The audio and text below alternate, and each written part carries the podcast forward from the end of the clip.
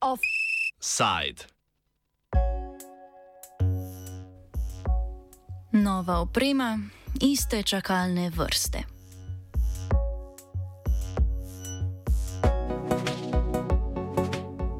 Pred dvema tednoma je državni zbor z 68 glasovi za in dvema proti sprejel zakon o zagotavljanju investicij v slovensko zdravstvo med letoma 2021 in 2031.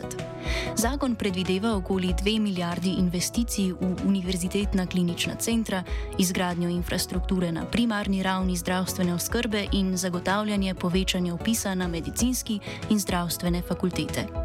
Glede na to, da je bil proračun Ministrstva za zdravje leta 2019 pred epidemijo COVID-19 znašal nekaj manj kot 200 milijonov evrov, je jasno, da gre za vsoto, ki bo transformirala slovenski zdravstveni sistem.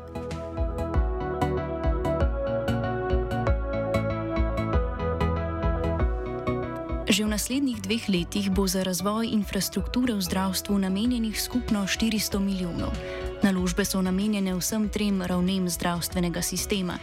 Za oba univerzitetna klinična centra, Ljubljanskega in Mariborskega, bo namenjenih dobrih 760 milijonov, za splošne in negovalne bolnišnice bo namenjenih dobrih 250 milijonov, zdravstvu na primarni ravni oziroma zdravstvenim domovom pa se obeta 200 milijonov. Toliko bodo dobile tudi izobraževalne ustanove z področja medicine, dentalne medicine in farmacije.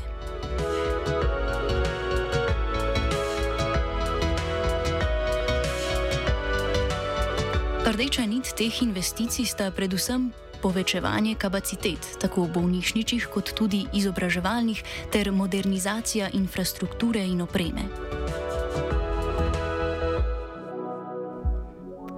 Pri vsem tem vlaganju denarja v izboljšave storitev pa se je treba vprašati, ali se zares rešujejo najbolj pereči problemi v zdravstvenem sistemu in kateri to sploh so potrebe v zdravstvu, in to ne samo finančne, natančneje predstavi nekdani ministr za zdravje Dušan Kebr. Seveda rabimo plan javnega zdravstva za prihodnjih pet do deset let, torej srednje, srednjeročni eh, načrt, ki bi šele odgovoril, koliko rabimo naprimer novih zdravnikov. Mi samo preko prsta ocenjujemo, da potrebujemo 500 novih zdravnikov, kako zagotoviti dodatno izobraževanje, kako do njih priti v mestnem času, potem pa seveda, kaj vse potrebujemo, poleg kadrov, katere dele infrastrukture, da bi lahko zagotovili tisto, kar je pa ta hip v očeh državljanov ključni problem, to so pa dolge čakalne dobe. Poleg ljudi, prav gotovo še tudi kritična oprema, ki jo primankuje in zaradi katere so eh, čakalne dobe dolge po moji presoji je vlaganje v zidove pravzaprav na zadnjem mestu, ne da bi rekel, da je nepotrebno, ampak kljub vsemu je treba kritično razmisliti, kaj od tega rabimo in kaj je mogoče kljub vsemu potrebno odložiti, ker so nekatere potrebe bolj nujne. Kako dobro in v kolikšni meri odpravlja omenjene primankljaje golo metanje denarja v gradnjo infrastrukture in širjenja kapacitet, pove Kebr.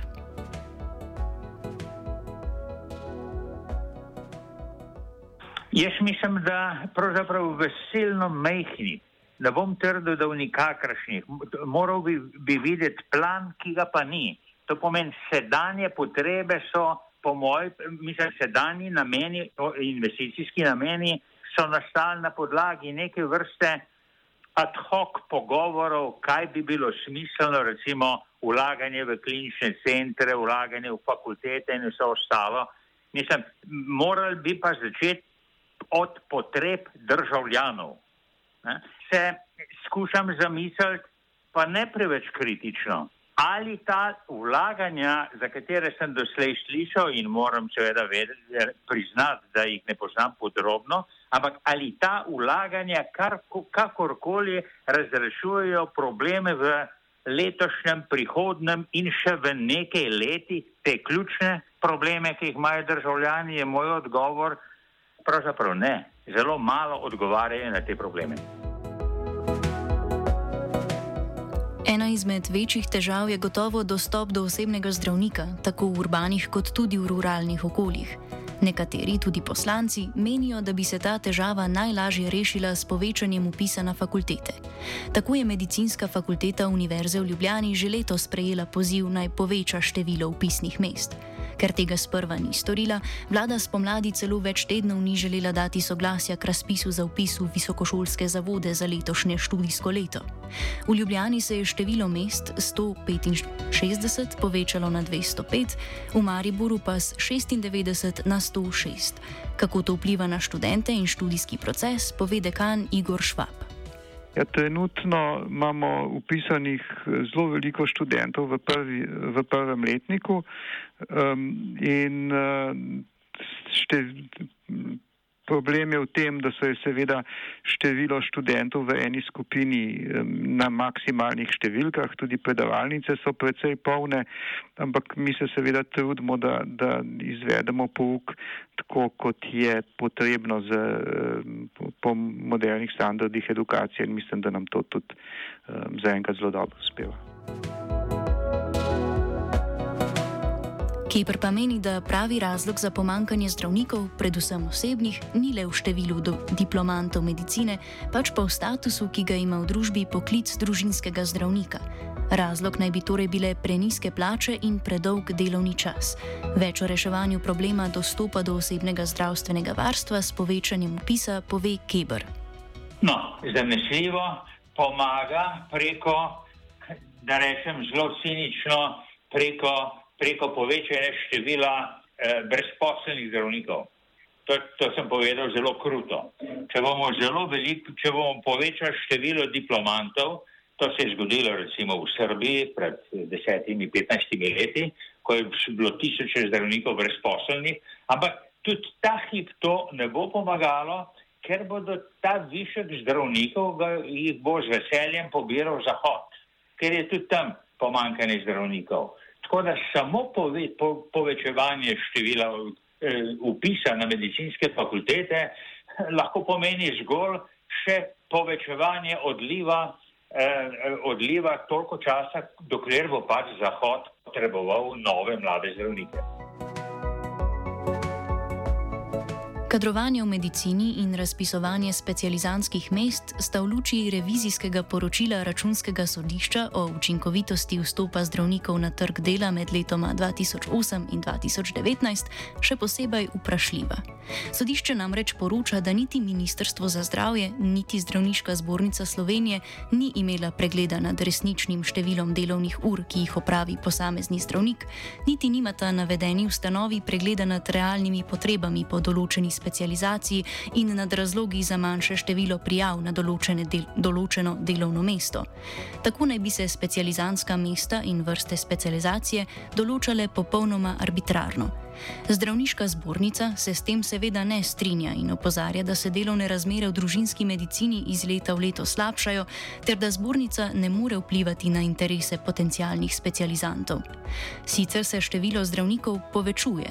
Število vseh zdravnikov zaposlenih v mreži javne zdravstvene službe je leta 2019 v primerjavi z letom 2008 naraslo za skoraj 32 odstotkov, medtem ko je število vseh zdravnikov zaposlenih v mreži zasebne zdravstvene službe naraslo za skoraj 132 odstotkov. V tem času se je število starejših od 65 let povečalo za petino, število prebivalcev pa je ostalo praktično enako. Keber pri tem opozarja tudi na določene partikularne interese zbornice.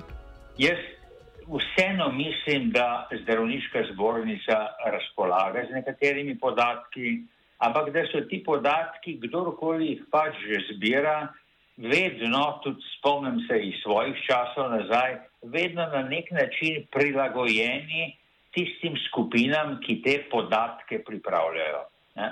Eh, kaj je najbolj potrebno, recimo ali moramo razvijati kardiologijo, ali moramo razvijati pediatrijo, ali moramo razvijati preventivno medicino. To je silno odvisno od tega, v kakšnem okolju se ta statistika zbira in zato ta statistika ni neutralna. Krivde ne pripisuje samo zbornici in sistemu zbiranja podatkov, temveč tudi drugi udeleženi strani, politiki. Na, tukaj bi potrebovali v resnici dobro nadzorovan, dobro standardiziran način zbiranja podatkov in seveda še nekaj, potrebo politikov, da te podatke sploh proučuje. Moje izkušnje za desetletja nazaj so take, da tudi ko imamo razmeroma dobre podatke, naprimer strani NIZ-ja, ko izda vsako leto eno debelo knjigo, jaz mislim, da te knjige nihče od politikov nikoli ne odpre. Po drugi strani je pa res, da pa na zdravstveni strani, torej med pripravljalci teh podatkov, pa ali je to NIZ, ali je to zdravniška zbornica ali pa še druga institucija, pa ni prav nobenih borcev, aktivistov, da bi te podatke prezentirali javno in s pomočjo teh podatkov ustvarjali ustrezne politične pritiske. Pomankanje opravljenih delovnih ur v javnem zdravstvu se rešuje s tako imenovanim delom v popovdanskem času, pri čemer zdravniki igrajo dvojno igro, ukvarjajo se z zasebno dejavnostjo, hkrati pa so prisesani na državni proračun. Keper problem, problematizira fenomen dvoživk. In v bistvu, ker so tam bolje nagrajeni, zanesljivo v dopovdanskem času ne razvijajo javnega sistema. To bi si lahko upal trditi, ker to je seveda človeško, da se obračaš v tisto smer, kjer misliš, da je zate bolj ugodna. Mi torej s tem delitvijo, s to naraščenim številom dvoživk ničesar ne razvijamo. Ne razvijamo niti zasebnega sistema, ker ga pravzaprav ni. Zasebni sistem je napolnjen z javnimi zdravniki, ki dopoledne delajo v javnem sistemu. Kar pomeni, da se bojo enkrat zdaj bom hipotetično eh, eh, ekstrapoliral do absurda. Če, če bo, se bodo vsi javni zdravniki preselili v popodansko zasebništvo javnega sistema, ne bomo imeli, nihče ga tudi ne bo razvijal. Ampak tudi zasebnega ne bomo imeli. Skratka, nujno je potrebno narediti razmik med obema sistemoma. Kaj je torej pravi odgovor na vedno večjo krizo javnega zdravstva? Kebr meni, da je treba najprej vedeti, ali želimo javno zdravstvo sploh ohraniti. Drugič, treba je popolnoma ločiti javno in zasebno zdravstvo, da lahko vsako od njiju najde svoj prostor v skrbi pacijentov in se pri tem razvija, kar je za zdaj zaradi delitve interesov nemogoče. In tretjič, zdravnikom, ki želijo delati več, je treba to omogočiti v javno zdravstvenem sistemu.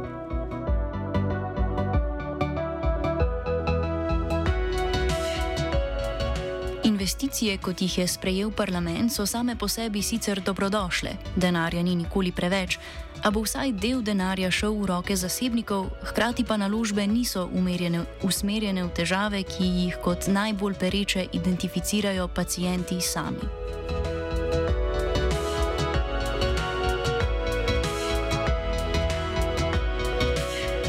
Offside je pripravila Lucija.